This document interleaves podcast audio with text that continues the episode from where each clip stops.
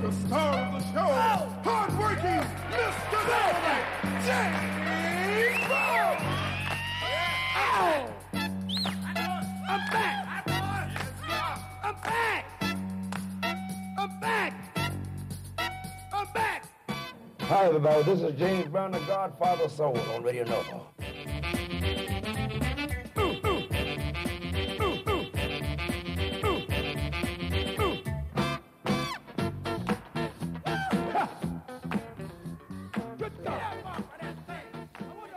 Ja da, ja. Og med de der deilige litt rytmene på morgenen Eller Funk. er det morgen? Eh, Ja, for det er noen det. så er det, det er lørdag. For meg er det greit morgen. Ja. Og eh, ja, velkommen til Radio Novas eh, Novalab med Ada, Renate og Ingeborg. Oh yes. Det er jo veldig, veldig hyggelig å være her. Og kanskje òg litt uvant. Fordi vi tre søte jentene som vi er, har jo ikke laga så masse radio før. Ikke Ikke sammen. sammen. Ikke sammen. Men hva var vi sammen om? Skammen! Ja, det heter podkasten vår, som vi nå dessverre ikke kan lage lenger, fordi Skam, TV-serien, er over. Så da må vi finne på litt anna spiral. Gå til nye prosjekter. Gå til nye prosjekter. Finn ut av litt ting. Så dette er jo da vårt nyeste sprell Ja. her hos dere. Hos dere. Ja. Eh, jenter, hvordan har dere det? Ada, hvordan har du det? Eh, jeg kjenner på følelsen av å være trøtt, eh, men også samtidig content med livet. Ja. To følelser eh, som jeg ofte føler. Jeg kjenner en slags litt sånn pirrende glede. Mm. Litt nysgjerrighet. Litt anticipation over å være her med dere i dag. Eh, jeg skal jo snakke på norsk og si følelsene mine på norsk, for jeg skjønte jo ingenting av det. Nei. Eh, jeg er spent. Jeg litt nervøs, litt spennende å være på radio, men jeg er mest glad. Fordi jeg syns det er veldig veldig koselig å være her i lag med dere. Eh, ja. Så blir du ingen. Jeg er så blid. Du er blid hele Ja, tiden, hele tida. Eh, og grunnen til at jeg egentlig spør dere om hvordan hvordan dere føler det, er fordi at eh, temaet på denne sendinga i dag er nettopp følelser. Følelser. Eh, og Renate, du har jo straks 30 studiepoeng i psykologi. Straks og straks. Det er september. Desember. Eh, vel. Muligens. Ja, men jeg har jo, jeg har jo tid fra før. Ja. Eh, og i desember så vil jeg da ha 30 studiepoeng i psykologi. Wow. Og jeg vil si at det gjør meg rett og slett ganske skikket til å prate og lære dere litt om psykologi. da. Meget kvalifisert. Ja. Mer enn hva jeg kan. Mm. Jeg har ikke lest en psykologibok engang. Jeg har jo til og med lest to halve. Oi. Det er imponerende. Takk. Men altså, ja, eh, ta oss gjennom det. Hva, må vi vite om eh, psykologi og følelser og alt sånt? Eh, Nå tar vi litt om sånn basic følelser, da. Eh, det jeg har lært hittil i semesteret om følelser. Så følelser er vi sånn født med. Eh, men eh, det er liksom sånn, det er noe indre greier som skjer, ikke sant? Hva er følelser? Men man sier at man er født med liksom Det er litt debatt, da. Men at man er født med sånn glede, sorg og sinne. Så det er også noen som mener at man fra starten også føler avsky og overraskelse. Og så senere så kommer litt sånn stolthet, skyldfølelse, misunnelse, og deretter kjærlighet, hat og sjalusi, da. Men ja. man starter jo med mest basic. Glede, sorg, sinne, og så eventuelt avsky og overraskelse. Det er interessant. Det er ganske spennende, altså. Ja. Tenk at man er født med følelser. Men, er men er, det er jo også debatt om man egentlig er det, da. Ja. Ja. Du sa nettopp at du er det. Eh, Jeg var det. Ja. Jeg ble født uh, Mm. veldig sint. Du, ja. ja, men kan du huske det? Ja, Jeg husker det. Jeg husker eh, det øyeblikket jeg kom ut fra min mors vagina. Du var Så skrikende. jeg skrek veldig. Jeg var Mhm. kjempesint. Jeg var så sint at jeg bæsja på skoene til jordmoren min. Så sint var jeg. Det er jo en fantastisk historie. Takk. To på seks den, 21, den 20. januar. To på seks på kvelden? Ja. Rett Oh my God. barne-TV. Jeg ble også født rett før barne-TV! Nei, ble det? Jo! Det er faktisk helt sykt. Apropos det å være barn, ja. Ah, tenk det. Mm. Tenk det. Det er hyggelig å være barn. Jeg var ikke født før barne-TV, jeg var født på natta. ja. Greit, det var. Det, eh, skal vi høre på en sang om, om følelser? Om vi- eh, personligheten vi har. Om Ja, jeg tror det hadde vært fint for å forberede oss litt til det som er å komme de neste timene. Ja, Mm. Da hører vi på Johnny Mercer. Ja, det, det var en sang om personlighet. Jeg føler at følelser eh, former litt av din personlighet, jeg. Ja, eh, fordi jeg sa det under låta. er personlighet det samme som følelser? Det er ikke det samme. Det ikke det samme. Men kan jeg, kan jeg, jeg som har eh, ti studiepoeng i psykologi, kan Ja. jeg kime inn her? Ja. Uh, Det er det at liksom hvor, personligheten din påvirker hvordan du opplever følelser. Oi. Men kan, jeg vil også si at uh, følelsene dine former personligheten din. Fordi jeg og Ingeborg er veldig forskjellige, og vi føler Og vi har annerledes følelser. Men det er så lite samspill der, tror du ikke det? For at du på grunn av noen opplever ting veldig intenst. Og dermed så vil de da oppleve eh, ha veldig sterke opplevelser som vil forme dem ganske sterkt. Som igjen da vil få dem til å føle sterke ting. Det er for at det her rett og slett blir en sirkel, en spiral, som bare Jeg tenker Dette er en god ting for deg å skrive på eksamen når det står sånn herre 'redegjør for eh, personlighet', og du bare ah, 'følelser'. Spiralen. Oh. Men uh, Renate, hvis du skal beskrive Altså, hvordan følelse er du? Hva, jeg, jeg er, Hvis du skal beskrive følelser, det sjøl med en følelse. Men du kan ikke velge alle, Renate. Nei, du kan ikke velge alle. Du må Nei, velger én. OK. Jeg vil si at jeg er følelsen av uh, boblende entusiasme. Oi. Kan jeg si det? Ja, du kan, altså hvis det er sånn du føler deg. Nei, det er ikke sånn, eller jo, det er jo litt sånn jeg føler meg. For- Men uh, følelser syns jeg er veldig vanskelig, altså. Ja. ja, jeg tror kanskje vi alle syns at følelser er litt vanskelig sånn generelt. Og kanskje litt derfor vi har denne sendinga òg, for å ja. Prøve å lære å kjenne oss selv litt bedre. Ja. Fordi at du kan ikke kjenne andre før du kjenner deg selv. Jeg føler jeg kjenner meg selv eh, veldig godt, og jeg føler at jeg er eh, følelsen en rett strek. Det er ikke en følelse av det. Ja, men jeg føler meg veldig som en rett strek, eh, og det er jo en følelse, det å føle seg som noe. Nei, det er å gjøre seg selv om til en slags simile, som man sier. Da, for jeg tar også engelsk litteratur dette semesteret. Du lærer så mye, jeg lærer ingenting. Jeg, Jeg lærer masse. Ja, men jeg føler meg som en um, uh, emojien med en re rett smil. Jeg føler meg verken glad eller trist. Jeg er bare Litt apatisk? apatisk. Ja, apatisk er jeg. Um, konstant apatisk med et lite smil om munnen, og, men et lite nedsmil om munnen noen ganger også. Apatisk, men med et blidt syn på livet. Ja, jeg vet ikke helt med det heller, jeg. Men, eh, men eh, et, et, et apatisk fjes, en, en strekesmil-emoji, en rett linje meg. Ok. Hva med, hva med deg da, Ingeborg? Nei. Jeg, tror jeg er ganske blid, egentlig.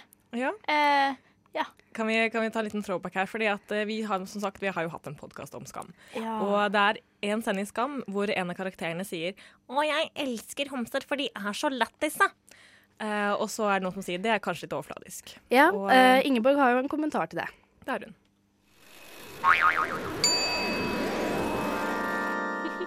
Ja, for det, det er jo sånn en type kommentar du kan få bare sånn generelt. Bare sånn Å, du er jo alltid blid. Det er sånn type kommentarer jeg får. Å, Men- Ingeborg, du er jo alltid blid. Jeg tenker sånn Men Ingeborg, Ingeborg, det har ingenting med saken å gjøre. Altså, det har jo ingenting med saken å gjøre, Ingeborg. Nei, men, Nei, eh, men det her er jo OK. Jeg tenkte ikke jeg skulle gå inn på det, men OK, nå kan jeg begynne. Fordi uh, jeg har et liten sånn Jeg har en uh, feilkobling. Fordi at jeg klarer ikke å se meg sjøl utenfra.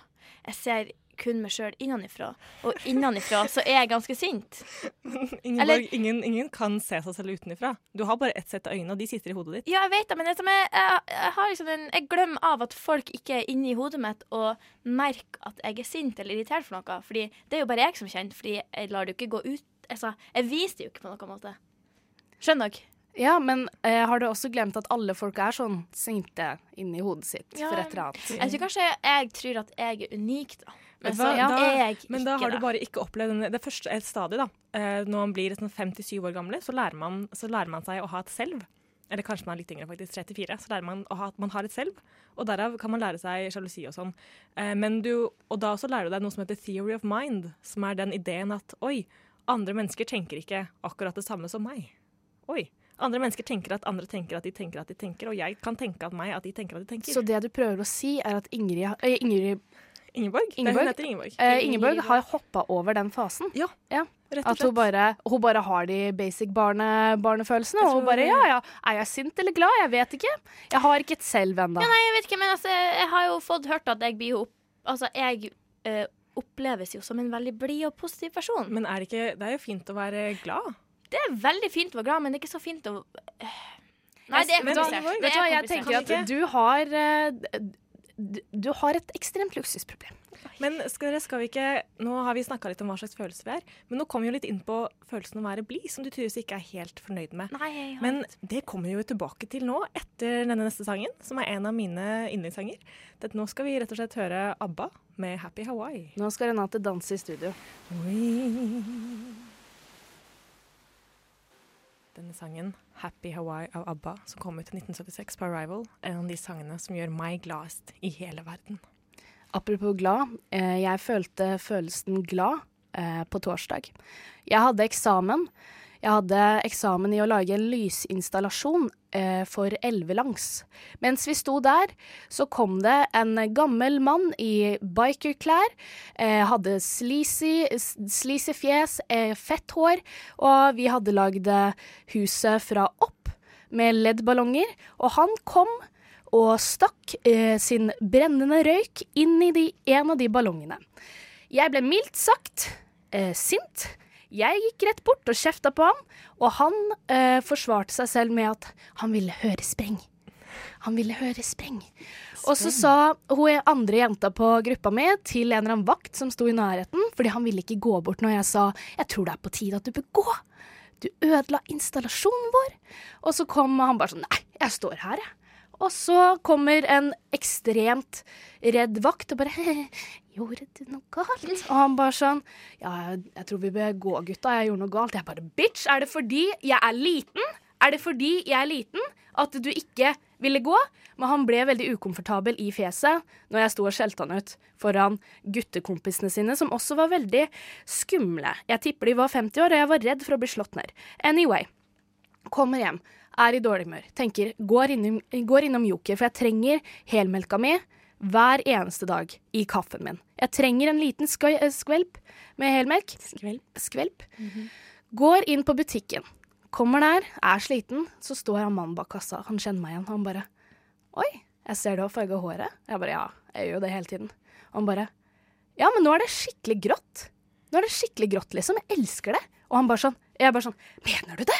Og han bare sånn ja, jeg liker det skikkelig godt. Jeg bare, Å, herregud, tusen takk. Og så gikk jeg ut av butikken med et smil om munnen, fordi jeg hadde fått til noe som jeg satt min mind for. Jeg skulle ha grått hår. Jeg fikk det til. Og følelsen av å oppnå noe, og noen anerkjenner at du har oppnådd det, jeg ble så glad, jeg. Herregud, jeg ble så glad. Jeg gikk og la meg med et smil om munnen, men så kom jeg på at han fyren stumpa fuckings røyken sin inn i en LED-ballong, og jeg visste ikke hva som skulle skje. Jeg vet ikke hva som er inni en LED-ballong. Herregud, den kunne jo sprengt. Sånn sprengt sånn i en, i en farlig gnist, liksom. Og satt fyr på hele installasjonen. Jeg vet ikke. Jeg vet ikke hvordan LED-ballong og røyk fungerer sammen. Men han anerkjente mitt grått hår, og jeg ble glad. Altså, jeg var veldig skeptisk hvordan den der historien skulle snu. Det var en Veldig bra historie. Det snudde. Tusen takk. Det var bra. Det var en glad historie. Det, det, ja. Det, Altså, det er så bra. deilig når historier ender godt. Men først og fremst at noen anerkjenner at du får til noe. Eh, Det er et stadie når man er jeg tror det er null til, nei, to til tre år, så begynner du å crave anerkjennelse fra Mm. eldre mennesker. Jeg, jeg tenker at jeg har krevd egentlig anerkjennelse siden jeg var null. Nei, du har Um, ikke det, for du har ikke, du har ikke hatt et konsept av det. du vet ikke hvem jeg er, Renate. Um, og skal jeg være en basic eh, bitch og si at uh, oh my god, jeg er Tinkerbell, jeg dør hvis jeg ikke får oppmerksomhet. oi.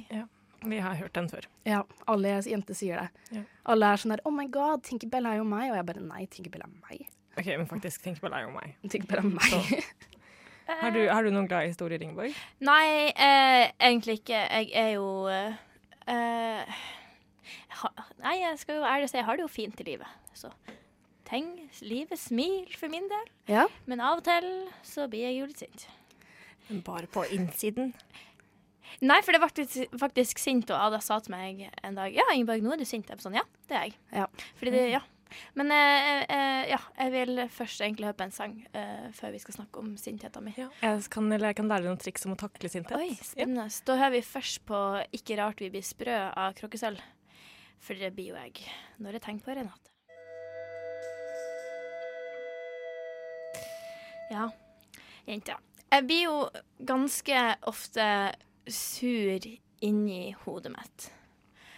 Uh, og jeg vet liksom ikke helt hvordan jeg skal takle det, fordi sånn som jeg takler det nå, så blir jeg bare stille. Så tar jeg alt innvendig. Er det lurt? Eller hvordan skal man egentlig takle det, eller kontrollere sinnet, da? Det er jo bedre at du tar det innvendig enn at du tar det utover Ja, men er det det? For jeg er føler at jeg, jeg, føler at jeg sakte, men sikkert dreper meg sjøl fra innsida ut. Nei, nei, nei, Men det gjør du ikke. Trikset er at du må ta det inni deg, og så må du spise det opp inni kroppen din. Um, jeg, har, jeg, er veldig, jeg er ikke så ofte sint. Jeg var, veldig, jeg var sint to ganger i barndommen min, men så lærte jeg meg å kontrollere det. Um, jeg kan fortelle om da jeg var sint først. da. For at jeg har vært skikkelig skikkelig sint. Sånn, at jeg ble sint så jeg, det, det hvitner, det svartner. Du kan ikke tenke, for hele kroppen din bare er elektrisk fordi du er så sint at det svartner helt.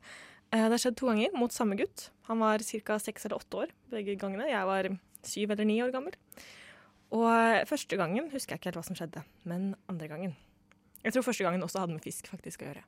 Andre gangen i hvert fall. Så eh, vi pleide å gå rundt på svabergene, og så pleide vi å fange sånne små fisk som gikk rundt i små dammer. Fanget vi dem, putta dem opp en bøtte, så på dem, for de var kjempepene, og så kastet vi dem ut i vannet igjen for at vi var gode mot naturen.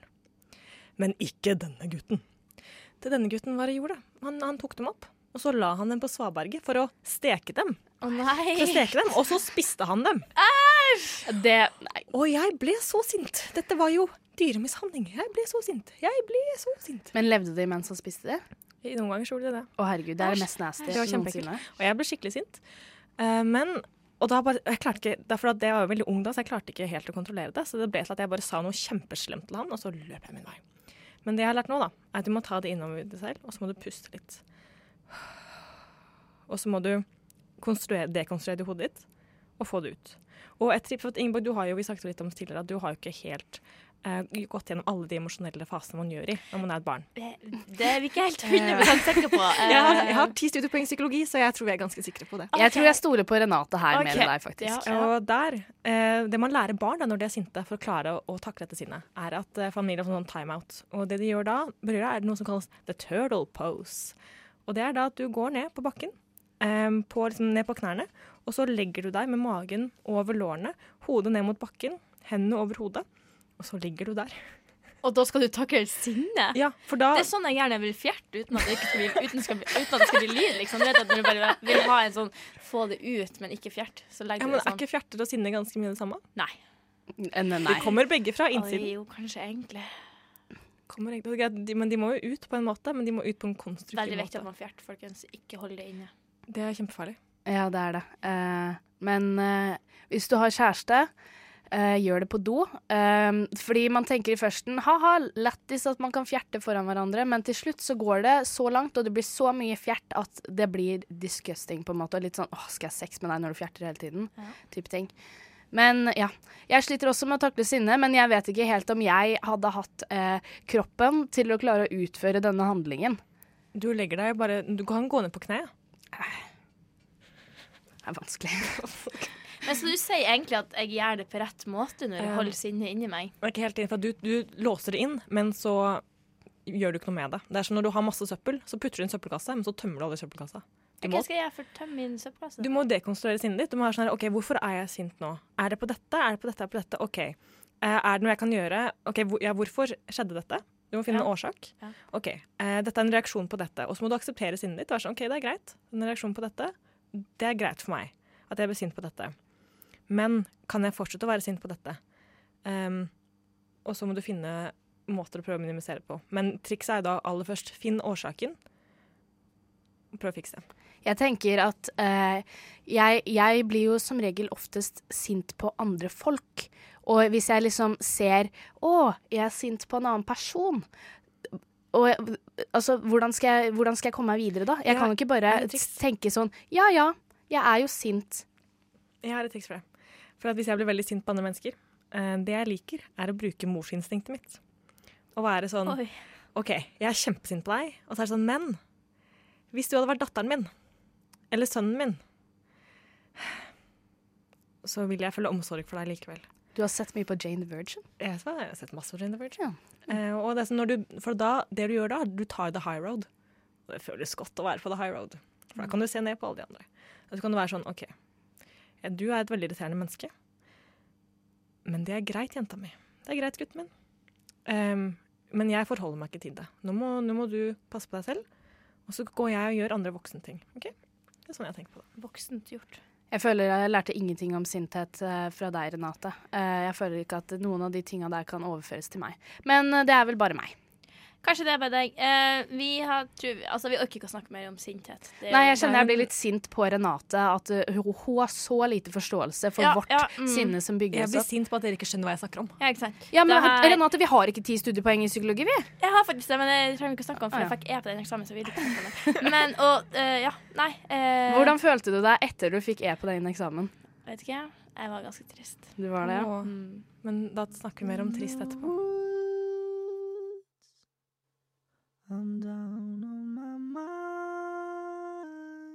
Pain has an element of a blank. It cannot recollect when it begun, or if there were a time when it was not. It has no future but itself. Its infinite contain its past, enlightened to perceive new periods of pain. Ja. Oi. Eh, nå kjenner jeg at det ble eh, trist. Ble du litt trist? Eh, akkurat Ja, på samme måte som når jeg fikk høre at eh, Anna Rasmussen, eh, Norges eneste stjerne på blogghimmelen, skal nå slutte å blogge. Å nei. Mhm. Hvordan, hva slags tristhet er det som da kommer over deg? Nei, det der lurer litt på, da. Fordi det her tristhetsbegrepet Jeg føler at jeg, jeg slenger det litt rundt meg. Altså, alt er jo trist. Er alt trist? Og jeg sier jo 'å, det var trist'. Men så mener jeg det kanskje ikke. Gråt du at, uh, da du leste at hun skal slutte? Nei. Nei. Men er gråting uh, forbinder med at man er trist? Fordi jeg Altså, jeg sier jo skrik, da. Altså, jeg skriker jo veldig ofte når jeg flirer og har det artig. Men jeg kan si at gråting er egentlig bare en kroppslig reaksjon på en sterk følelse. Oi! Ja, ja. Du kan gråte av hva som helst. Hmm. Ja, fordi jeg føler at jeg eh, oftest gråter av eh, eh, sympati eller glede. Som for eksempel da jeg så på The Kardashians, og Kim skulle ha sin første baby, og det liksom leda opp til Oh my God, holder hun på å ha en miscarriage? Og Chris var veldig, veldig lei seg, og hun begynte å gråte, og så begynte jeg å gråte også, for jeg bare Å, herregud. Tenk om Kim har en miscarriage. Og jeg begynte å gråte, og jeg ble så trist på hennes vegne, da, i, det, i, i den form at det er sympati. Ja. Ja. Eh, begynner også å gråte av glede eh, av eh, Jane the Virgin når Michael er snill. Jeg begynner å gråte av glede av Jane the Virgin hver gang, hver gang de kvinnene snakker sammen. Kjedelig. Men jeg skulle da spørre om eh, eh, Når vi snakker om Kardashians, nå er det jo rykter at uh, lille, lillesøster Kylie kanskje er gravid. Tror du hun blir ha de samme problemene som Kim Nei. når det gjel- gjelder eh, Når det gjelder babies? Nei. Eh, altså, det er vel ikke sånn at eh, fordi én søster har det, så har alle det. Courtney har jo ikke hatt det. Eh, det er jo bare Men Chloé har ennå ikke fått unger. Nei. Men det er ikke, man må ikke få unger. Men Chloé har hatt lyst. Har hun det? Ja. Ja. så derfor tror jeg òg det er litt problemer der. Ja, men eh, det kan jo Men det er sant. Chloé og Kim har jo forskjellig far, de også. Kim Kylie har forskjellig far. Ja, greit. Det er jo bare Chris som er fellesnevneren her. Ja. Ja, men jeg tenker også at hun kan være rota til alt vondt. Men Chris, Nei, har, men- fått, Chris har fått veldig Ja, mange barn. Hun har fått mange barn, så jeg tror, Så jeg tror ikke det er. Det er ikke noe gærent i den livmoren. Det sa du noe. Den livmora Var det ikke hun som har sagt til Kim nå som de skal ha sitt tredje barn, at hun kunne være surrogat? Nei. Jo, Chris har sagt det. Oh. Mm, hun tilbød seg. Vet du hva? Det, det, gjør meg, det gjør meg en slags trist, det også. Ja, men det er også en tristhet, vondt i magen, eh, litt spytrist. Ubehag. Mm, ubehag. Nesten på grensen til avsky, vil jeg si. ja. Eh, fordi at det er litt feil. Det blir feil, da. Eh, Det blir mildt sagt feil. mildt sagt feil. En tristhet, da. Eh, Det er jo vanskelig. Tristhet, Ja, det er vanskelig. Jeg kan få si forresten at det diktet jeg leste på starten, eh, på starten av denne praten om tristhet, det er et eh, dikt av Emily Dickinson. Og i går så eh, satt jeg og leste dikt av Emily Dickinson mens jeg hørte på Tracy Chapman og drakk te. Og det var en slags tristhet også. Ja, for det var fredagskveld. Skulle du ikke drikke øl sammen med venner? Det var min fredagskveld, og jeg hadde det flott. Det var, det var ville tilstander. Apropos tristhet, herregud, nå kom jeg jo på det. Uh, jeg er jo ekstremt glad for at vi har uh, denne sendinga uh, denne lørdagen, og ikke forrige lørdag. Fordi forrige lørdag hadde jeg mensen, og jeg i det siste har blitt en emotional rollercoaster når jeg har mensen. Fordi jeg søkte opp SIO helse psykolog, og tenkte det er på tide at jeg drar til psykolog. Eh, og så eh, Jeg fant jo ut at det var gratis, så jeg bare herregud, jeg burde jo virkelig gjøre det. Den, disse følelsene og denne tristheten jeg har inni meg, det, det tar jo overhånd. Men så gikk det noen dager, og så slutta mensen. Og nå er jeg litt glad for at jeg ikke bestilte den psykologtimen. Fordi det hadde jo tatt sikkert et halvt år før jeg fikk den. Og nå føler jeg ikke at jeg trenger den. Men tror du at, du at du blir å få samme følelse neste gang du har mensen igjen, da? Det kan godt hende. Og så Så går kanskje hvis du bestiller en time nå, så er du heldig at det treffer Ja. på den uka du har mensen. Ja. Liksom. Men det er jo bare Det er veldig irrasjonell tristhet. Men er en følelse er aldri helt irrasjonell, er den det? nei. For har dere sett i Twin Peaks? Så eh, hun eh, som jobber på den dineren, hun har en veldig fin monolog en gang. Altså. Fordi at moren hennes kommer, og så er hun sånn Oh, you're so dramatic, you're overreacting. Og så sier hun Mother, these are my feelings. These are my reaction. And I'm entitled to react however I want to. Noe sant. Altså, ja, det er jo sant, men samtidig eh, Det kan jo også skape dårlig stemning. Men handler alt om å holde på bra stemningen? Ja, for meg gjør det det, altså. For meg gjør det det. Du må være sann mot deg selv, Ada. Nei. Nei, nei. nei, nei. Skal vi høre på en sang, da? Kan ja. ikke- ja. skal? Eh, Shock to your system av eh, Tegan and Ja, jeg bare ta uh, Liten overraskelse for meg er at du bare tok over min jobb som den som sier var, det, musikken. var det et sjokk? Jeg kan si det var et slags sjokk. Du kan jo det.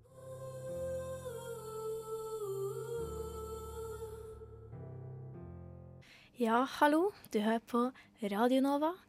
Eh, Oslo Citys mest følelsesladde radio denne eh, lørdagsformiddagen. Ja, det vil jeg si. Eh, I vår tokt på å oppdage og diskutere de her følelsene vi har snakka om, har vi nå kommet til barnefølelsen overraskelse. Eller sjokk, om du vil. Ja. En gang eh, så opplevde jeg et ganske stort sjokk. Em, da, da jeg fikk eh, en eh, Da jeg holdt en ledning og fikk ganske sterkt elektrisk sjokk i kroppen min.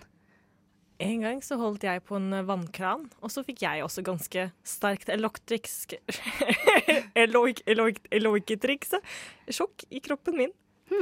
Nei, men eh, hva er det her for noe, jente? Er det standoff i elektrisk sjokk? Fordi jeg har òg opplevd det! Å nei, å nei! Ja. Altså, jeg vet ikke med dere, men altså, min historie går ut på at det var 17. mai. Og jeg kommer fra gård, så vi har kue. Kuen gikk ute på beite, uh, inngjerda med et elektrisk gjerde. Jeg husker det var 17. mai. Og jeg husker òg at jeg tok på gjerdet og fikk meg og det var vondt. Og jeg begynte å skrike, og han pappa kom og trøsta meg. Ja, det var det. Var det historien? Ja, det syns jeg var ganske bra OK, ok, da, da har du fortalt du OK. eh, jeg, jeg gikk på VGS, andre klasse VGS. Jeg hadde lyd til fordypning, fordi ja, jeg gikk yrkesfag, medier og kommunikasjon. Hadde lyd til fordypning. Vi skulle rigge til en konsert på skolen med en eller annen uh, Fredrikstad-rapper som skulle stå oppå et lite tak. Og vi hadde plassert opp alle uh, høyttalerne og alt sånn her. Uh, under konserten hadde det kjørt en bil gjennom området. Og jeg eh, skulle dra fra to ledninger, en skjøteledning eh, og en ledning inn til høyttaleren. Um, men den bilen hadde klart å kjøre over den ledningen. Og så tenkte jeg først, jeg bare dro i den, det satt veldig hardt. tenkte jeg herregud, jeg er jo dritsvak, så jeg må dra hardere. Dro så hardt at den lille tuppen på stikkontakta falt av. Jeg fikk strøm i begge hender, og jeg klarte ikke å slippe. Og så sto jeg der eh, på eh, parkeringsplassen, på, eller midt i skolegården eh, på videregående skolen min, Glemmen videregående skole, og sto der og skrek. Og bare skrek, fordi jeg klarte ikke å si noen ting, og jeg klarte ikke å slippe. Og så sto bare folk rundt og så på, og så kom faren min, som var lydlærer, og dro den ut. Og bare 'Går det bra? Du fikk 240 volt eller watt eller hva enn det heter, inni deg'. Hva sa du da? Eh, jeg klarte ikke helt å snakke. Jeg måtte sette meg ned, og jeg hadde skjelven sauestemme resten av dagen. Ja. Skal jeg fortelle min historie? Jeg er litt usikker om den, om den uh, klarer å overgå uh, skjelvende sauestander. Jeg vet ikke, men uh, du kan prøve. Okay. Uh, Jeg gikk i syvende klasse, tror jeg. Sjette eller syvende klasse. Jeg skulle på Norway Cup. En venninne av meg skulle komme innom huset mitt først, før vi skulle kjøre oppover. Um, og hun hadde gått gjennom skogen. Skogen var gjørmete, så hun måtte skylle føttene sine. Vi har en sånn kran utenfor, så jeg var sånn ja, jeg kan skylle skoene dine, jeg. Men eh, det jeg ikke visste, var at kvelden før så hadde det vært lyn. Og da hadde det skjedd en jordingsfeil rundt i hele huset. Så det som skjer da når jeg tar på denne, denne krana, er at jeg begynner å riste. Og jeg står der jo, og jeg rister. Og jeg klarer ikke å ta hånda mi vekk, så jeg står der og rister. da. Så tar jeg den andre hånda mi og prøver å ta den på den andre, ja, den andre hånda mi på den første hånda mi. Så da står jeg der da, i en sirkel og står og rister. Og jeg skriker og jeg skriker. Og venninna mi var totalt ubrukelig og sto og så på og begynte å skrike selv. Så jeg sto der, to stykker og skrek, og jeg skrek og skrek. Pappa satt rett innenfor døra, men pappa trodde at vi hadde vannkrig. Som om han ikke kjente datteren sin i det hele tatt. Unnskyld meg, jeg var en veldig seriøs unge. Så det tar en stund før han kommer, da. Til slutt kommer han løpende ut og bare tar liksom sånn takling på meg og bare får dytta meg ned fra greia. Og jeg bare Og så litt sånn skjelven. Og så går det helt fint til pappa spør meg går, det bra. Skikkelig nervøst. Og så begynner jeg bare å hulke. Sånn elektrisk sjokkhulking. Men så gikk jo det over, da. Og så dro jeg på Norway spilte en fotballkamp. Lalalala. Og så etterpå så skulle vi fikse jordingsfeilen i huset vårt. da. Så vi gikk til elektrikeren og fortalte han som, hva som hadde skjedd. Og han bare Hæ? Fikk hun, fikk hun strøm gjennom hele seg? Har dere vært hos legevakta?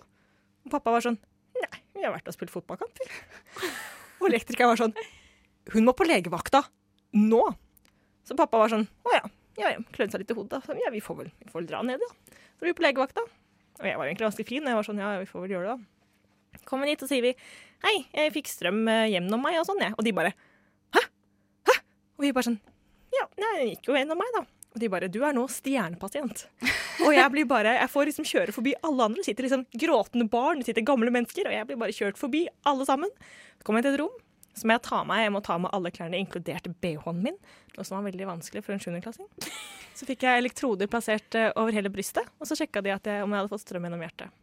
Spoiler alert, jeg fikk ikke strøm gjennom hjertet, for at jeg lever fortsatt. Ja, Ja, for det, det er det som er farlig. Ja. Det er strøm gjennom Det er hjertet. Ja, Um, jeg, jeg, jeg regner med at faren min, siden han har jobba som uh, lydmann hele livet, så tenker jeg at han visste at det ikke var farlig, Uh, og derfor trengte jeg ikke å dra på legevakta. Han så på meg, ja, du har ikke fått strøm gjennom hjertet. For han har jo fått strøm gjennom kroppen før og holdt på å dø av det, Um, på grunn av sin karriere som lydmann. Uh, så han bare sånn derre Du er jo fin, men du, du kunne jo dødd, men du er jo fin. Jeg var jo også fin, men jeg kunne jo også ha dødd. Ja. Eh, Men for å være helt ærlig så syns jeg at jeg vant den her. For jeg var stjernepasient på legevakta. Herregud, det var bare noe de sa til deg fordi Ja. du gikk i 7. klasse. Nei, nei. Renate Rett Olsen, jeg ble, kjørt forbi alle sammen. Jeg venta ikke ett minutt, liksom. Men herregud, alle kan bli kjørt forbi alle sammen, Ja, liksom. ikke, ikke, Vel, jeg har også sittet på legevakta i tre timer, så En gang så fikk jeg eh, Så drakk jeg av en colaboks som det var en veps oppi, og så fikk jeg vepsestikk eh, inni leppa. Eh, da måtte jeg sitte i tre timer. Uh, og jeg bare 'hallo, kan jeg ikke bare få lov til å komme inn?' De bare 'nei, vi skal egentlig bare sitte her for å se om du har klart å svelge vepsen'. Og jeg bare 'jeg vet at jeg ikke har gjort det'. uh, fordi da kunne det hende at halsen min numma, og jeg slutta å puste. Så derfor måtte jeg bare sitte der i tre timer istedenfor at jeg bare kunne komme inn til legen, og han kunne ta sånn røntgen og så, se om det var en veps nedi der. Nei, jeg kanskje skal se at den der gikk til Renate. Ja, fy faen, ass. Jeg hadde rigga konsert. Jeg syns det er imponerende. Ja. Du hadde bare tatt på en kran. Og spilte fotballkamp etterpå. Ja, Det er faktisk helt sjukt. Jeg visste ikke at du var fotballjente. Skikkelig fotballjente. Jeg var dritflink. Jeg tror jeg var, jeg tror jeg var bedre fotballjente, men det kan vi ta en annen gang. Nå kan vi høre på Espen Lind og 'Scared of Heights'. En liten tuba på slutten der. Flomp, flomp. Det var egentlig litt rart at uh, vi hørte på 'Scared of Heights' når vi nå skal snakke om avsky. Ja, men du vet hva, det er egentlig ikke så rart, skjønner du. Fordi at eh, det er ganske mange psykologiske teorier som blander sammen frykt og avsky.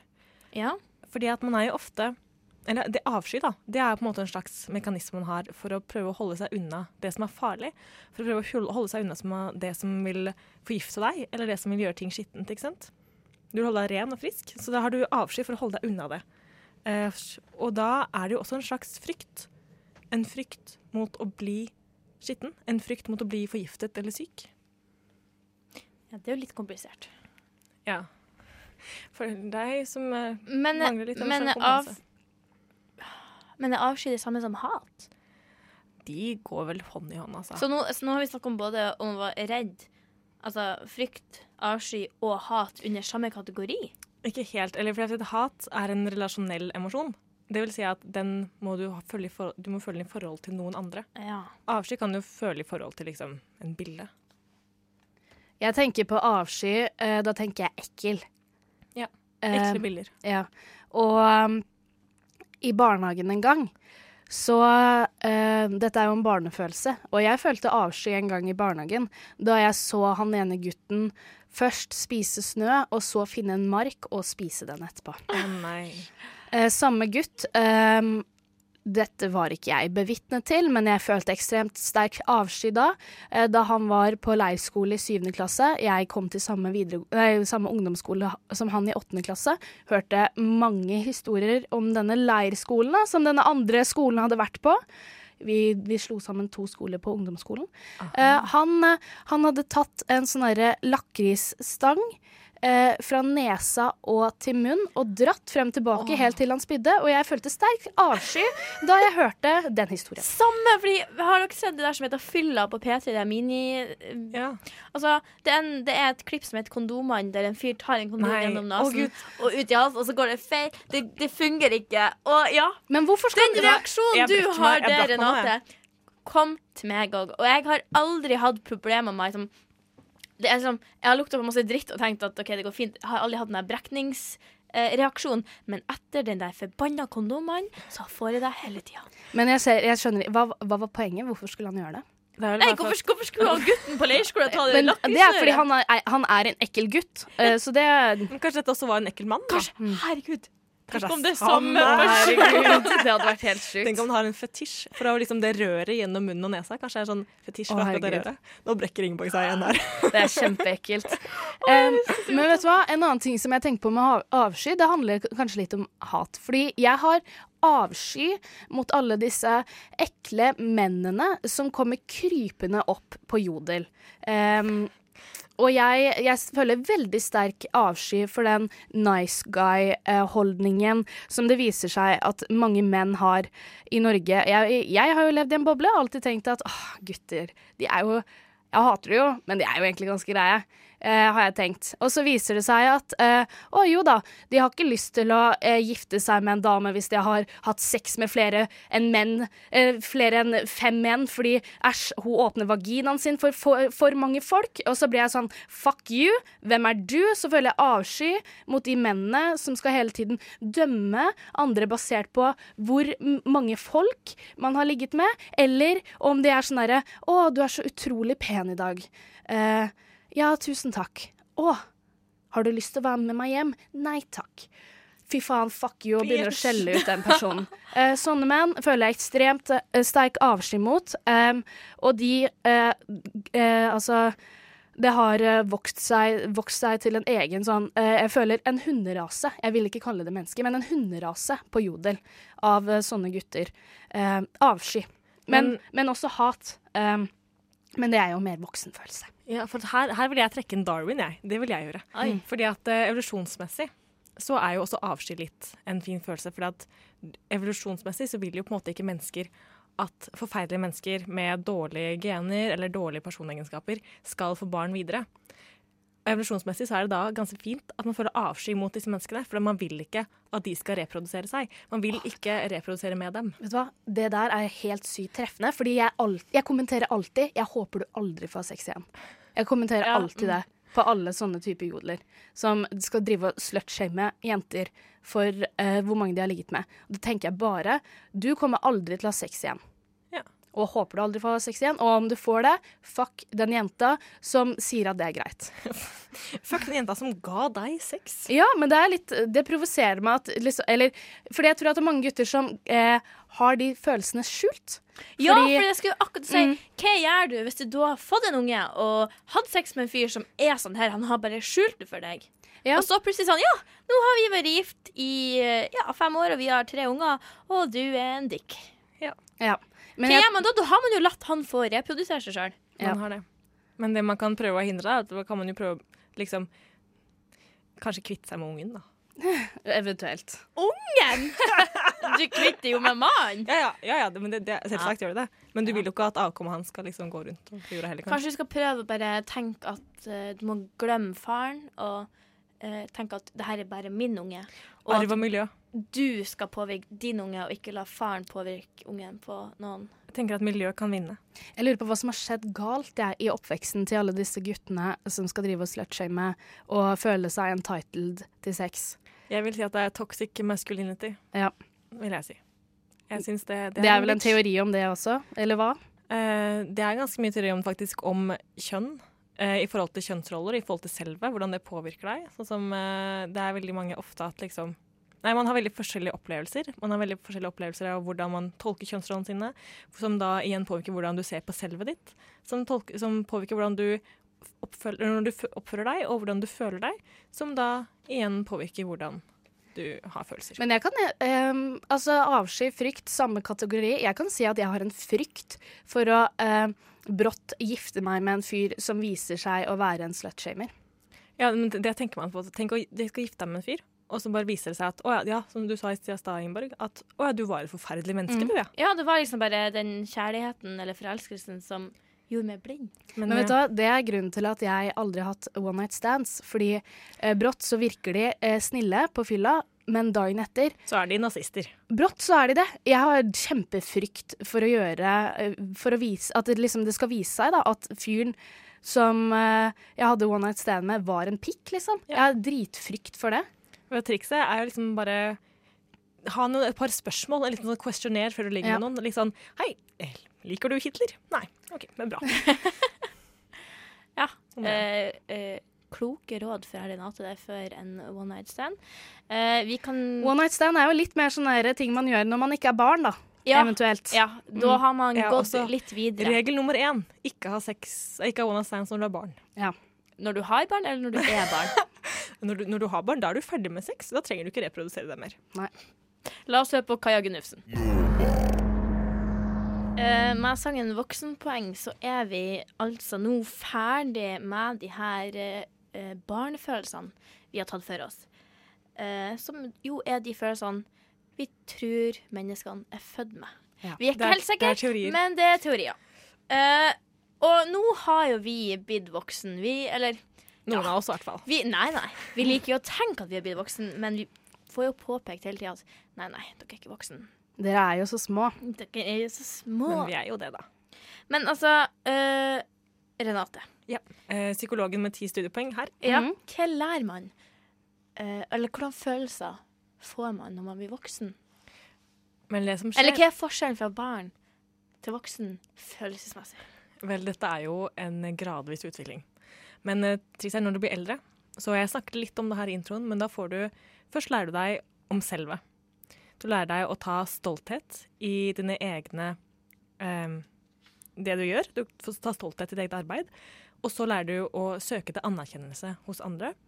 Etter hvert lærer du deg også å um, dømme ditt eget arbeid etter din egen indre standard.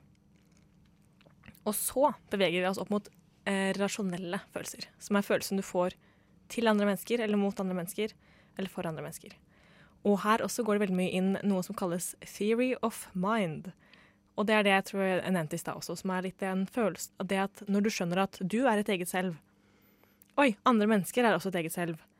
Hm, jeg har tanker som andre mennesker ikke kan se. Andre mennesker har tanker jeg ikke kan se. Andre mennesker tenker at, de, at jeg tenker ting. Og jeg tenker at de tenker at jeg tenker ting. Og slik begynner man å gi seg ut på sjalusi og kjærlighet og hat og stolthet og fordom. Oi! Fire, fire gravferd, eh, fire bryllup og en begravelse. Brått er du der, vet Ja. du. Brått er du der. Nei, det er jo litt skummelt å bli voksen. Det er ganske skummelt. Man må lære seg veldig mye. Men er det sånn med følelser som det er med tidsperspektivet når man blir voksen? For det er jo en greie at når du er unge, så føles det ut som at tida går saktere fordi du opplever så mange ting for første gang. Mens når du blir mer og mer voksen, så har du opplevd de her tingene så mange ganger før at tidsperspektivet går på en måte fortere. Altså, du er 40 år, og plutselig er du 45. Det har gått fem år. Hvor ble det av de fem årene? Ja, det Er det, er det det samme med følelsene? da? At du på en måte kjenner igjen denne følelsen, så du Når du er voksen, så er du mer klar over den, eller Ja. Ja, men det er jo så lenge For at følelser er jo knyttet til opplevelser du har. Og de opplevelsene du har, du føler jo ikke like dypt for dem hver gang. Det det jeg tenker det er derfor mange sier sånn Oh, the first love stays with you forever. For det er kanskje første gang du opplever noe så dypt. Selv om du opplever det igjen etterpå også, men det er da ikke første gang du opplever det. Jeg må, jo, jeg må jo trekke tilbake til Jodel, og folk skriver jo hele tiden sånn åh, jeg har blitt burnt så mange ganger, jeg kan ikke åpne meg for mer kjærlighet. Og så tenker jeg sånn, herregud, du må jo lære at det går over. Etter hvert. Det gjør jo det. Men eh, noe jeg også har lært i psykologi, er at når folk går gjennom kjærlighetssorg, da er de mye mer sårbare for sykdommer. Um, de er rett og slett, de har et svakere immunforsvar. Og det, har de, det her har de testa ved at de um, hadde folk på en sånn um, en, hva en legesal, og så var det noen som var slått opp med, og noen som var i lykkelige forhold. Og så putta de sånn snørr oppi nesa deres eller noe som var fullt av virus. Og så, det var kanskje ikke like ekkelt som akkurat det her, men det hørtes ut sånn. Og de som da var ulykkelige, eh, hadde kjærlighetssorg, de ble mye mer syke enn de som var i lykkelige forhold. Folk som er i lykkelige forhold, folk som har liksom, stødige emosjonelle kontakter rundt seg, et støttenettverk, de er mye mindre syke enn de som har færre venner og er i lykkelige forhold. Um, jeg vil bare si at de som kjenner meg, vet jo at jeg er syk konstant hele tiden. eh, og har sykdommer i hytt og pine, mest forkjølelse, eh, som varer i tre måneder. Det er ikke fordi eh, jeg er konstant ulykkelig, det er bare fordi jeg har jernmangel, og jeg får lavere immunforsvar av det. Eh, når man eh, er i et lykkelig forhold, og kanskje voksen òg, så går man jo kanskje gjerne på p-pille. Ja. Men det tror jeg kanskje vi skal snakke om etter den her deilige, deilige sangen av Jeremiah.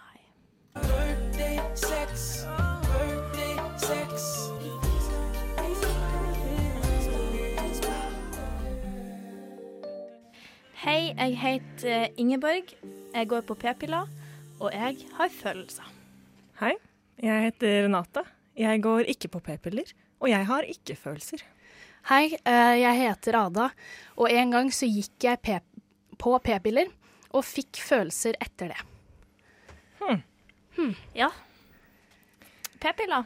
Eh, omdiskutert tema, da, for å si det sånn. Eh, For, for å si det sånn, ja. Og Altså, jeg må bare si at vi er andpustne, fordi vi, Da- vi jamma helt sykt mye til den sangen. det, var, det, var, det var bedre enn Birthday Sex, vil jeg si, den jamminga her.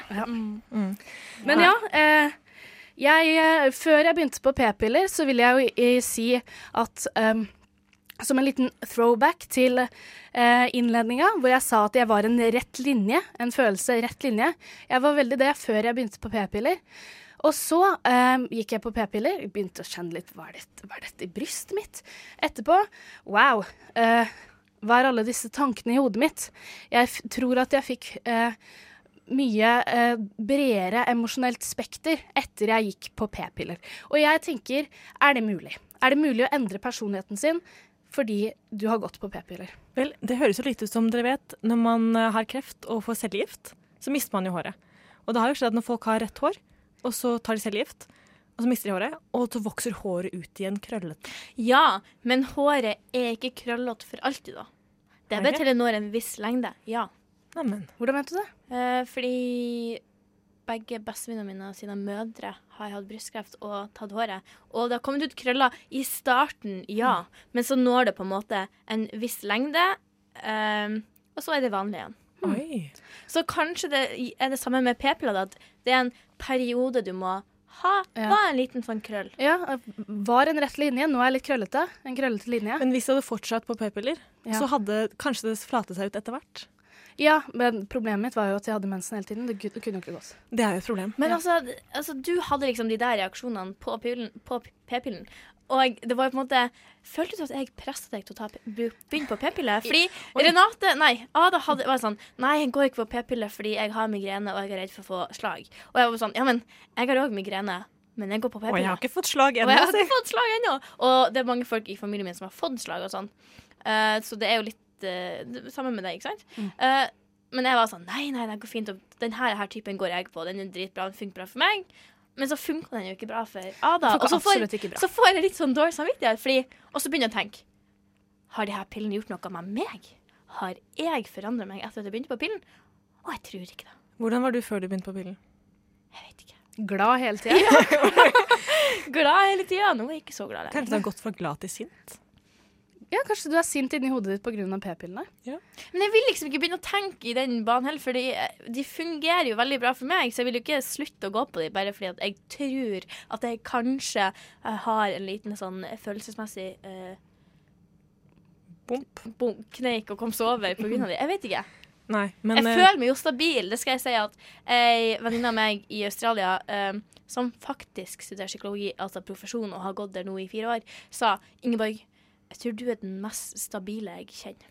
Ok, Hun kan ikke ha sett deg under eksamensperioden. Eh, meg, Jeg har sett Ingeborg under eksamensperioden. En gang så satt hun og så på et meme, og så begynte hun å le. Og så begynte hun å gråte. Og så begynte hun å grålete. Nei, liksom le-gråte. Men så skled det mer over til bare faktisk hulking. Herregud. Det er det mest stabile mennesket vi har møtt, alle sammen. Jeg føler jeg er mer stabil enn Ingeborg. Ja, for du har jo en rettstrekk. Jeg er en, eller akkurat nå, i dette sekund, krøllete. Men eh, ellers veldig rett. Du begynner blir en rett strek. Ja, Mm. du må bare vente. Ja, men jeg føler det er en horisontal eh, rett strek. Det er ikke en eh, vertikal. Å ja. Ja. Å ja. Jeg føler at Altså, du er Å ja. Mm. Ja, for jeg har sett for meg en sånn, der- sånn heart monitor, ikke sant? som går sånn Ja. pip, bortsett fra at Ja. Ada sin bare går mm, Nei, jeg så ikke for meg i altså, vertikal. Så rett ned. siden nå er en person som står Ada står så mye oppreist. Vet du hva, det er Nei, løgn. ja. Det er løgn. Ada ligger horisontalt mesteparten av tida. Gjør det. Men ja, eh, Renate, du kan være glad for at du ikke har eh, måttet tenke på dette. Det er mye jeg slipper unna her, merker jeg. Ja. Um, det er mye For eksempel, eh, for eksempel så har jeg aldri opplevd eh, sjalusi. Aldri? Nei. Nei, du er blest.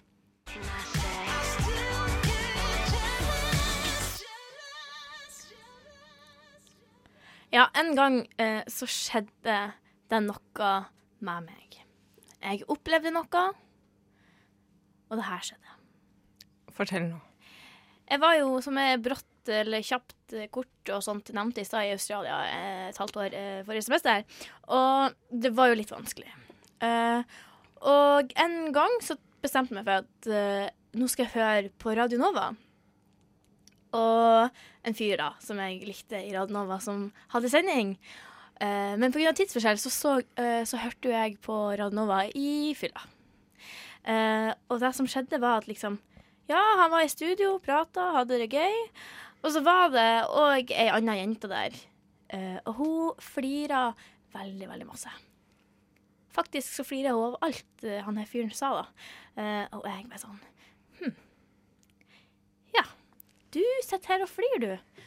Dere har det kjempetrivelig i lag, ja. På stu, I studio på Radio Nova. B-studio, det sitter dere, har det hyggelig.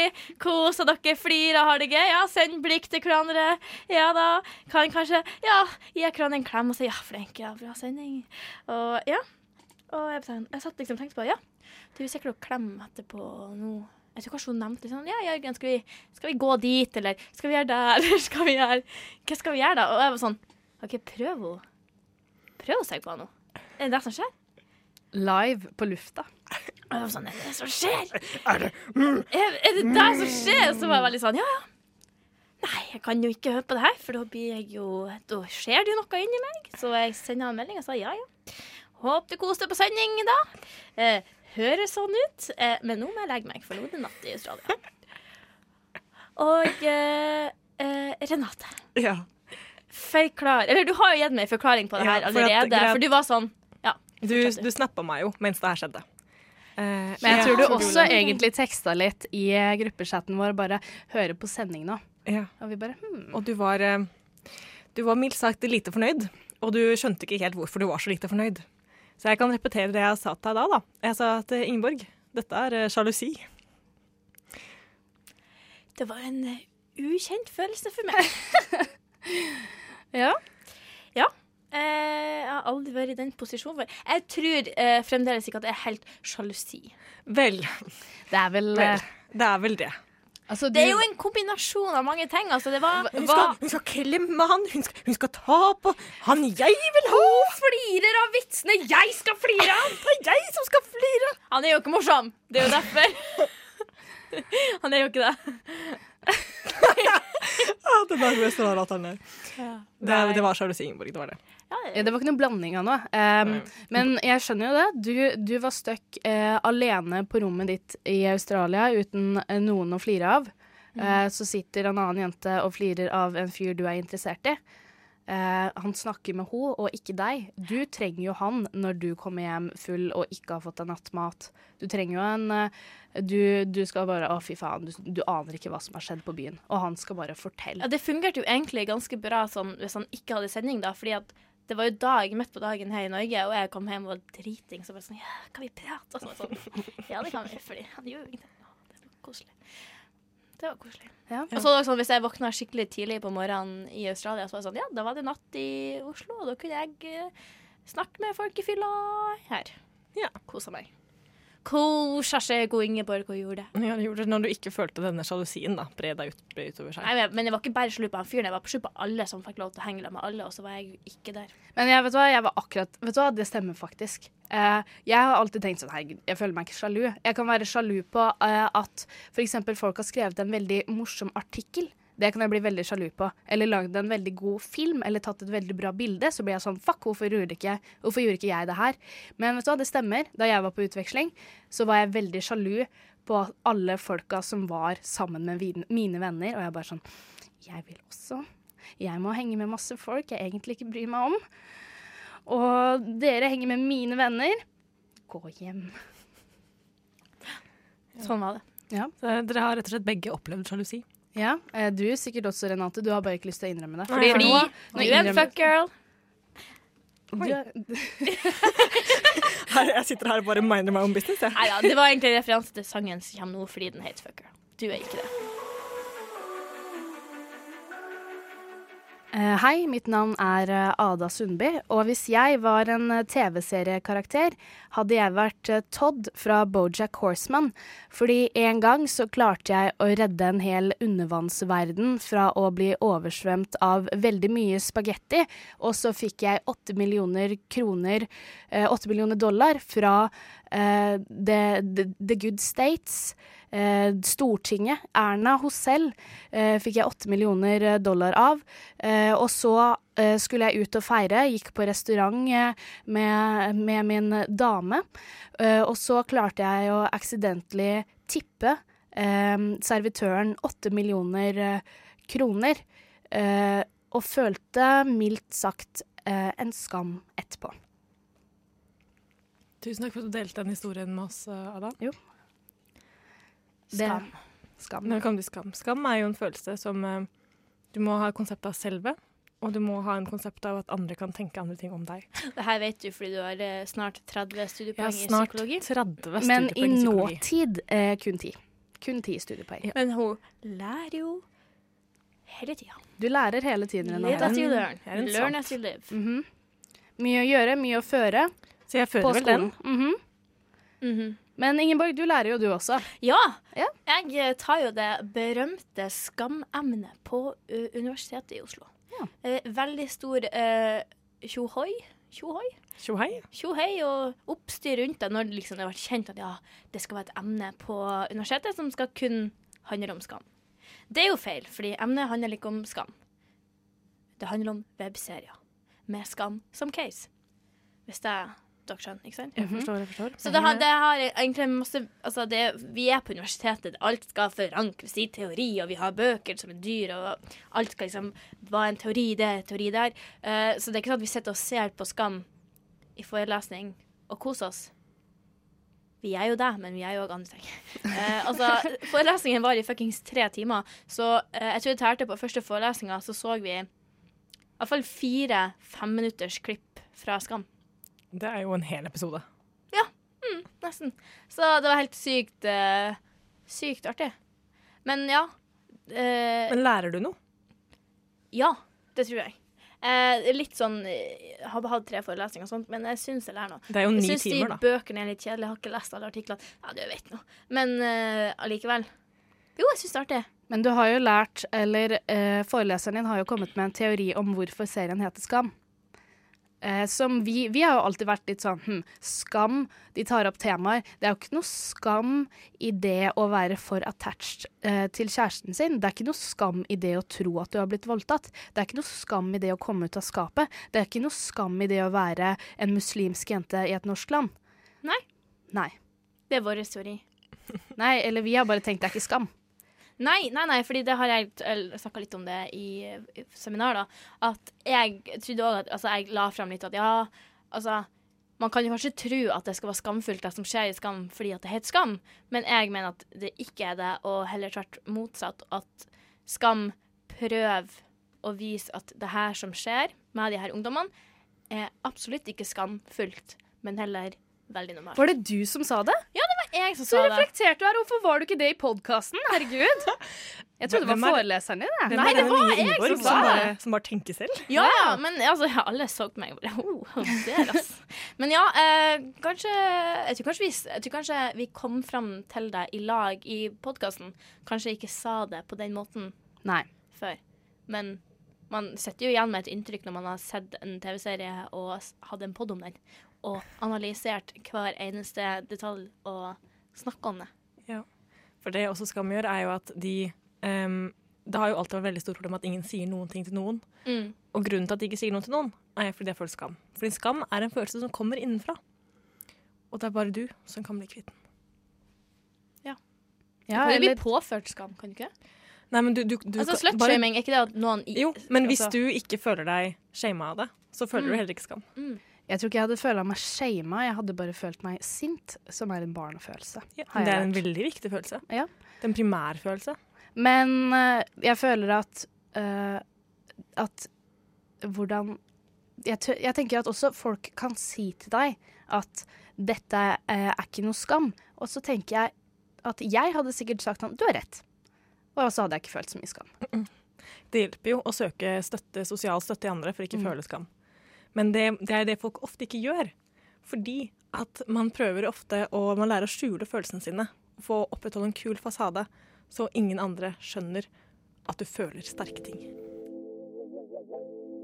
Det var altså Cool Girl med Tove Lo. Og en cool girl, en, en cool girl, det er det vi alle drømmer å være. En jente som er uaffektert når folk eh, prøver å si noe til henne. En jente som skjuler sitt ytre. En jente som er eh, mystisk. Dette er en, eh, noe man ikke er født med. Man er ikke, man er ikke født med en evne til å kontrollere følelsene sine. Eh, Det tar, først, jeg tror først så skjer det at man klarer å kontrollere sine egne følelser, så de ikke synes. Og si, nei, først! Jeg tulla med dere. Det, jeg har jo ikke 30 studiepoeng ennå. Nei, Nei. Her, her kommer det fram. Det kommer fram. Men først så begynner man å skjønne at oi, det er ikke alltid folk viser de følelsene de føler. Eh, man kan av og til lyve med ansiktet sitt og være sånn 'Å, tusen takk! Jeg elsker disse sokkene jeg fikk til jul!' Og det skjønner barn. Eh, de skjønner det mye før man tror, faktisk. Rundt kanskje femårsalderen. Og etter hvert blir det også mye bedre på å ha et kult ytre og ikke vise sine egne følelser. Sånn, hvis du blir mobba i skolegården, så alle voksne sier alltid bare 'ikke bry deg om det'. Men det er veldig vanskelig for små barn å ikke bry seg om det, for de begynner jo å gråte. Og hva skal de gjøre da når denne gråten kommer, når de blir så sinte at de ikke klarer å skjule det? Men jeg, som en voksen dame, når folk mobber meg, så har jeg et kult ansikt. Ja. Men du- Ingeborg, du, du- har jo ikke det. Nei, men jeg ble litt forvirra, for du sa at å ha et kult ansikt er òg det samme som å være mystisk. Ja, men at, du, at du holder følelsene dine privat, at du ikke er en åpen bok. Det er mystisk. Ja, men da er jo jeg meg igjen. Fordi jeg, jeg har jo ingen kontroll har jo ingen kontroll på ansiktsuttrykk. Men det du har sagt Renate før, er at jeg er ganske mystisk egentlig med følelsene mine. Ja, men du, Men nå har, du, nå har du sagt veldig masse forskjellig her i dag. Nei, men, ok, Fordi- det, kan, jeg, kan, jeg, kan jeg prøve å gjøre meg selv litt tydeligere nå, da? Ja. Kan jeg si at Ingeborg, det du har, du har dine umiddelbare reaksjoner er du veldig dårlig på å skjule. Hvis du er veldig sint, det syns. Hvis du er veldig lei deg, det syns. Fordi du begynner jo å skrike. Mens Du gjør det. du gjør det. Men dine tanker er du veldig god på å skjule. Oi. Så hva du egentlig tenker om folk, Ja. det er vanskelig å gjette. Hva som skjer i privatlivet ditt, det er vanskelig å gjette. Mm. Men eh, jeg kjenner ikke, Det kan passe meg bra. Hva Ja, sånn? Fordi altså- jeg er jo sånn. jeg har jo ti studiepoeng i psykologi, har jeg ikke det? Ja, du, du begynner med analysering av folk, ja. Jeg Ja. går rett på. Jeg er veldig dårlig på å, å vise øh, falsk takknemlighet. Det er jeg veldig dårlig på. Eh, Sånn, eh, hvis jeg får en veldig dårlig gave, så klarer jeg ikke å, å smile og si takk eh, troverdig. Det er en ting jeg ikke har lært meg ennå. Dårlig skuespiller. Ja, eh, bare på det, da. Ellers ekstremt god skuespiller. Er du flink til å lyve? Eh, altså, det er jo kleint å si ja, jeg er flink til å lyve. Det er jo veldig sånn hei, eh, jeg er sånn special snowflake som tror jeg er psykopat. Jeg er så ekstremt god til å manipulere og lyve, liksom. Jeg føler det er sånn derre Tumblr- Tumblr-mål for eh, mange jenter. Eh, men jeg vil si jeg er helt OK på å lyve. Mange ting veldig dårlig å lyve på, andre ting helt OK på å lyve på. Kan jeg dele en historie om en gang jeg var veldig flink til å lyve. Mm. En gang så lå jeg på en hems med to andre venninner. Vi lå på en dobbeltseng. Det var ganske, ganske lite, da. Veldig lite sted. Og så promper jeg. og da eh, sier Nami Hvem var det? Var det deg? Nei, det var ikke meg. Renate, var det deg? Og så var jeg sånn Hæ, hva da? Og så var de sånn Du prompa? Og jeg var sånn Nei. De bare Jo. Men jeg bare fortsatte å nekte, og jeg fortsatte å nekte helt til de trodde på at det ikke var jeg som hadde prompa. Wow. Ja. Det er sykt. Det er min mest imponerende livhistorie. Mm. For det var en høy promp. Men da hadde jeg kjapt det òg, fordi jeg hadde noen gutter eh, Vennegjengen min. Og guttene i vennegjengen min fikk venninna mi til å tro at hun hadde klina med, med en gutt på dansegulvet. Og det gikk Altså, de, de ga seg ikke. Hun, hun var sånn Nei, det skjedde jo ikke. Men de ga seg ikke. Så sånn Jo! Du gjorde det jo! Husker du ikke at dere sto, dere sto og råklina midt på dansegulvet? Og hun var sånn Nei. Og så bare så du at sånn, etter som ukene gikk, for det pågikk jo Å, i nei. uke, så var hun sånn Hæ? Og så kom hun sånn til meg. Ingeborg, er det sant at jeg gjorde det? Og jeg var sånn Nei. Nei. Det er ikke det. Så det var guttene. Kjempeflinke til å lyve. Æsj, ekle gutter. Ja, men gutter lyver jo hele tiden. Det har vi snakka om. Da skal vi roe ned litt på det guttahatet her. Ja, Um, men jeg har jo sagt at jeg, jeg liker egentlig gutter, men, jeg, men ja, altså de, Debatable. Eh, jeg tenker at gutter er snille, men også litt, litt ikke. Men jeg, kan, eh, jeg har en historie å fortelle, faktisk. Som jeg også har lyst på litt hjelp med å fortelle. Om eh, ikke en gutt, men om en mann.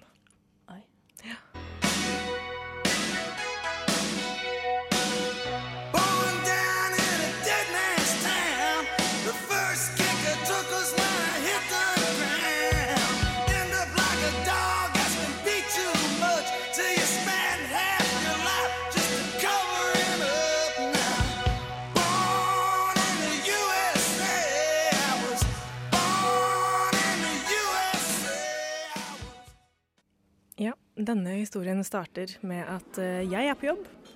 Og det var en eh, fin dag på turistinformasjonen der jeg jobber. Sola skinte, og jeg var, i, jeg var i godt humør og klar for en ny dag med nye utfordringer. Jeg trykket på knappen som ringer opp neste nummer i køen. Number 112 at counter 3. En middelaldrende mann nærmet seg skranken. Han eh, la armen litt hardt ned på skranken, og jeg tenkte umiddelbart at han var fra Amerika. Howdy, partner. My name is Billy Bob Johnson. I'm from the great states, the US of America. Proklamerte han stolt. Dette var ikke min first time at the rodeo med en amerikansk turist, så jeg stålsatte meg og sa profesjonelt, Hi, how can I help you? med et kaldt, men imøtekommende smil. Well, you see, I'm wanting to go to that guy to that place. You know, that uh, Wigeland guy? Alle turister vil til Vigelandsparken, og det er jeg godt kjent med. Så jeg begynte å forklare om eh, trikk 12 til Majorstuen, men han avbrøt meg. The sculpture park. Yes.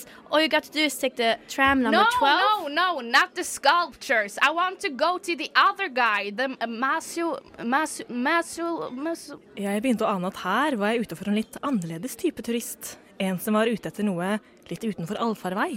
Kanskje etter noe genuint norsk. Oh, you mean Emanuel Vigelands mausoleum? Yeah, that's the one. Han slo hånd i skranken igjen, men denne gangen med mindre maskulin dominans og mer glad entusiasme. Great. So to go there, you have to take the underground, line number one to Frognerseteren. Jeg hørte at han lo lavt, men jeg er jo vant til at folk ler av meg, så jeg fortsatte uanstrengt. Then you go off at Slemstad. and then you walk down Stasjonsveien. I'm sorry, but wow, your language is weird. Han lo så han nesten klasket seg selv på låret. Og jeg må innrømme at uh, dette var første gang noe lignende hendte meg. Men uh, likevel, Jeg er en profesjonell ung dame, så jeg bare sa Haha, yes, it's quite different from English, I guess. Uh, but anyway, uh, you then walk down Frognerseterveien. Dette var uforutsett. Aldri hadde jeg møtt et annet menneske uten folkeskikk på noe som helst nivå på denne måten før.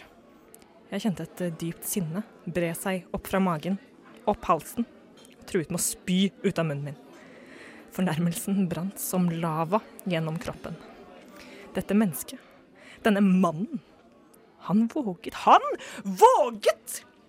Han kom inn i mitt hus og fornærmet meg og min kulturelle arv. I'm sorry. I don't mean to offend you, but your language, it's so weird. It's like just so weird. Han koste seg så veldig. Det var som han aldri hadde hørt noe så morsomt som norsk før. Trass i at han faktisk hadde måttet møte noen som snakka norsk før han endte opp hos meg i turistinformasjonen på Østbanehallen i Oslo. Jeg begynte å lure på om det var personlig. Jeg begynte å lure på om denne mannen var kommet for å gjøre narr av meg, Renate Lett Olsen, spesifikt fordi han mislinkte akkurat meg, Renate Lett Olsen. Det var som om jeg ikke var et menneske for han, som om jeg var en, et artefakt han hadde møtt på i et museum. Å, jeg hadde så mange illsinte ord boblende på tunga. Det var så mye syre jeg ville spytte på han, så mye ild jeg ville puste på han. Men jeg tok meg i det. Når man jobber i servicebransjen, har man ikke råd til å ta ting personlig. Man har ikke råd til å vise menneskelige følelser. Man må være en servicemaskin. Så jeg bet meg i det, tok på meg servicemasken og fortsatte. And then you walk down that road for about a minute, and then you're there. Did you have any other questions? Jeg smilte varmt, men sendte ut iskalde, stikkende lyn fra hver pore jeg hadde i kroppen, No, thank you. That was all. Have a good day. sa jeg, mens han snudde seg for å gå. Idet ryggen hans forsvant ut døra, kjente jeg ansiktet mitt falle fra sitt stive servicesmil og inn i furete, fornærmede rynker. Jeg sendte en kollega et desperat smil og sa Jeg tar en pause nå, jeg.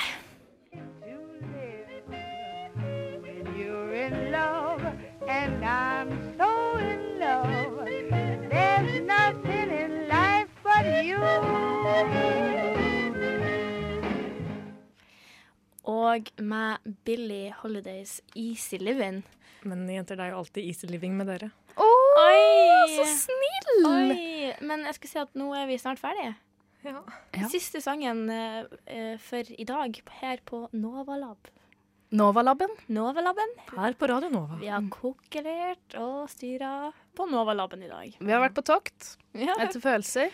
Vi er ute, og vi har funnet masse følelser. vi har det. I hvert fall min, da. ja, du har jo hatt en emosjonell reise. du har oppdaget masse. reise. Ja, eh, eh, Renate, du har vært informativ som alltid. eh, Takk, takk, med takk, dine ti studiepoeng. Takk, takk. Jeg har sikkert lært mye, men kommer til å glemme dem når vi går ut av studio. Ja. Ja, Men sånn er det. Sånn er det. Så eh, skal vi, har vi noen oppsummerende ord? Jeg tenker du får ta det, Renate. Vet du hva jeg tenker at um, det, det budskapet jeg har lyst til å gi alle våre lyttere nå, er at jeg har lyst til at dere skal kjenne på følelsene deres. Ikke fortreng dem. Kjenn på dem. Kall dem Sett et navn på dem. Finn ut årsaken, og jobb gjennom dem. Det er den eneste måten å oppleve ordentlig mental og fysisk helse. Eneste måten, jeg vet ikke. Den eneste måten, men Den eneste måten. Drit i å spise sunt. Dette, dette er veien. dette er veien å gå, ja.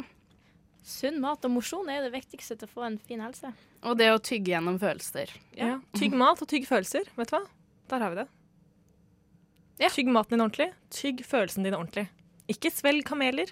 Tygg dem først. For å bli et helt ett. Et helt selv. Ja.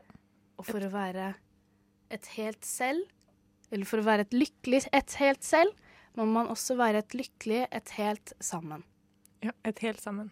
Et helt sammen. Ja.